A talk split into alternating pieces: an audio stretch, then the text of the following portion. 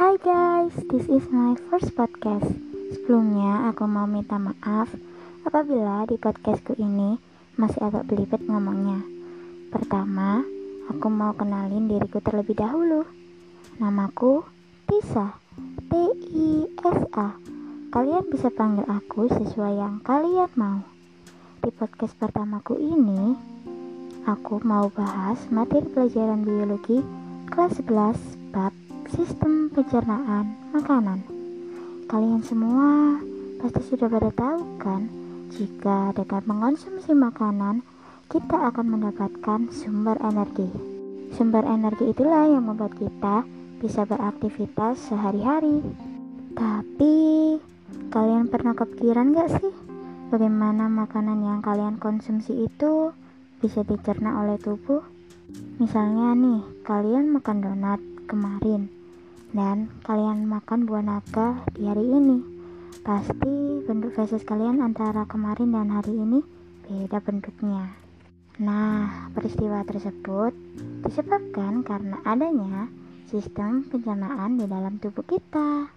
Yuk langsung aja kita bahas. Secara umum proses pencernaan terdiri dari dua jenis yakni proses pencernaan mekanis dan proses pencernaan kimiawi kita bahas dulu ya yang proses pencernaan mekanis. Proses pencernaan mekanis merupakan proses pencernaan makanan yang dilakukan dengan gerakan-gerakan seperti mengunyah, menelan, dan menghancurkan makanan. Adapun tujuan dari proses pencernaan mekanis ini adalah untuk mengubah ukuran makanan menjadi lebih kecil. Lalu yang kedua ada proses pencernaan kimiawi. Proses pencernaan kimiawi ini adalah proses pencernaan makanan yang melibatkan enzim. Adapun tujuan dari proses pencernaan kimiawi ini bertujuan sebagai pengubahan partikel makanan yang kecil-kecil jadi bentuk yang mudah diserap oleh tubuh kita. Setelah membahas proses pencernaan mekanis dan proses pencernaan kimiawi, kita beralih ke organ-organ pencernaan. Sistem pencernaan manusia dimulai dari mulut dan berakhir di anus. Oke, kita bahas dulu yang pertama, mulut. Selain berguna untuk sleep call alias talking-talking di malam hari, mulut juga memiliki peran penting loh dalam pencernaan tubuh kita. Ya, mulut berfungsi sebagai tempat masuknya makanan dan dimulainya proses pencernaan. Ini karena di dalam mulut terjadi pencernaan mekanis oleh gigi dan pencernaan kimiawi oleh enzim amilase. Gigi akan menghancurkan makanan menjadi ukuran yang lebih kecil, sehingga memudahkan kinerja enzim amilase. Lalu, enzim amilase ini yang akan menguraikan kandungan pati dan amilium di dalam makanan menjadi gula sederhana yang dapat diserap oleh tubuh kita. Nah, enzim amilase ini diproduksi oleh kelenjar ludah. Selain itu, di mulut juga ada lidah yang berguna sebagai pengaduk makanan sehingga dapat bercampur dengan enzim amilase. Lanjut, yang kedua, faring dan esofagus. Tenggorokan atau faring merupakan saluran pencernaan yang menghubungkan rongga mulut ke kerongkongan atau yang bisa disebut dengan esofagus.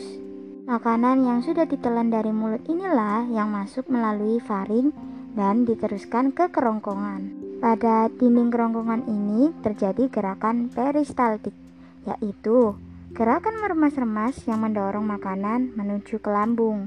Ketiga, ada lambung.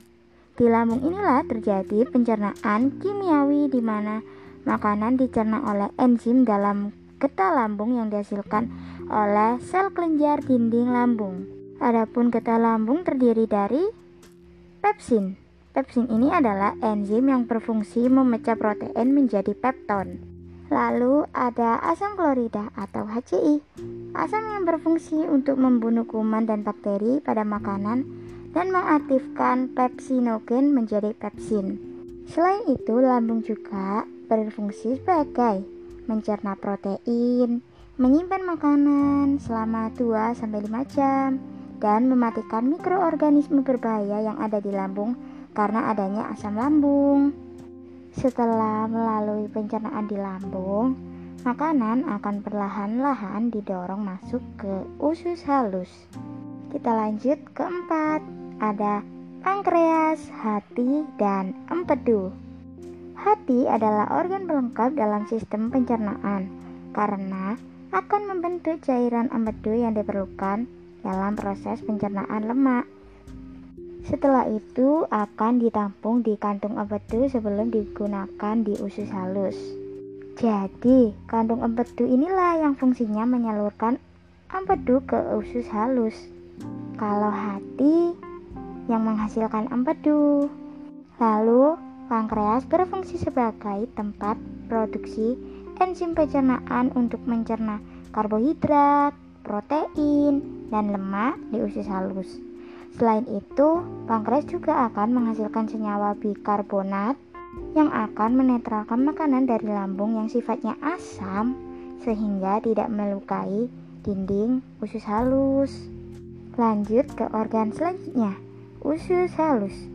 Usus halus merupakan organ pencernaan yang terletak di antara lambung dan usus besar. Bentuknya berupa saluran dengan panjang sekitar kurang lebih 670 sampai 760 cm. Nah, usus halus ini dibedakan lagi loh menjadi tiga bagian, yaitu duodenum, jejunum, dan ileum. Kita bahas dulu yang duodenum atau bisa disebut dengan usus 12 jari. Usus 12 jari atau duodenum ini berfungsi sebagai tempat pencernaan makanan secara kimiawi. Caranya, makanan dari lambung yang masuk ke usus 12 jari akan dinetralkan dulu oleh senyawa bikarbonat dari pankreas. Lalu lanjut dicerna menggunakan enzim amilase, lipase, dan tripsin dari pankreas serta enzim maltase yang dihasilkan oleh usus halus itu sendiri. Amilase lah yang akan memecah amilium menjadi maltosa. Lalu, maltosanya akan dilanjut menjadi glukosa oleh enzim maltase. Kalau lipase sendiri bertugas sebagai pemecah lemak menjadi asam lemak dan gliserol. Semua ini dilakukan dengan adanya bantuan dari empedu yang akan mengemulsikan lemak sehingga enzim-enzim tersebut seperti enzim lipase bisa bekerja. Sementara itu, tripsin akan memecah pepton menjadi asam amino. Jadi, glukosa, asam lemak, gliserol, dan asam amino tersebut merupakan bentuk zat gizi yang mudah diserap oleh tubuh. Nah, penyerapan inilah yang terjadi di bagian usus halus berikutnya yaitu jejunum dan ileum. Lanjut ke usus besar. Usus besar merupakan bagian ujung dari saluran pencernaan. Hal inilah yang membuat usus besar memiliki peran penting dalam sistem pencernaan, yaitu sebagai pengeluaran zat sisa makanan yang dicerna. Adapun fungsi usus besar ini juga mencakup penyerapan cairan dan vitamin hingga memproduksi antibodi yang bertujuan sebagai pencegahan infeksi. Dan yang terakhir, anus alias bagian kolon paling akhir yang disebut juga dengan rektum dengan panjangnya kurang lebih 15 cm dan diakhiri di dubur. Pada anus ini terdapat otot volunter yang dikendalikan oleh kehendak kita sendiri. Kita lanjut ke gangguan pada sistem pencernaan. Gangguan pada sistem pencernaan yang sering kita dengar adalah penyakit mah. Pasti semuanya udah pada tahu kan penyakit mah Nah, kita bahas gangguan pada sistem pencernaan yang lain selain mah. Pertama, kolik. Kolik ini adalah penyakit dengan memperlihatkan gejala rasa nyeri pada perut. Kolik ini disebabkan oleh makanan yang mengandung zat-zat perangsang seperti cabai dan lada. Yang kedua ada konstipasi atau yang sering kita dengar dengan julukan sembelit. Sembelit adalah gangguan pencernaan di mana penderitanya mengalami Sulit buang air besar karena feses terlalu keras. Ketiga adalah parotitis. Parotitis ini merupakan penyakit radang pada kelenjar parotis atau yang biasa dikenal dengan nama penyakit gondong. Keempat, appendistis. Appendistis inilah peradangan pada bagian usus besar yang kita kenal sebagai usus buntu. Oke guys, sekian dulu podcastku ini. Mohon maaf ya apabila ada kekurangan dan dan kesalahan pengucapan kalimat pada podcast ini. Untuk kalian yang sudah mendengarkan podcastku ini, aku mengucapkan terima kasih banget karena sudah menyempatkan waktu untuk mendengar podcastku ini.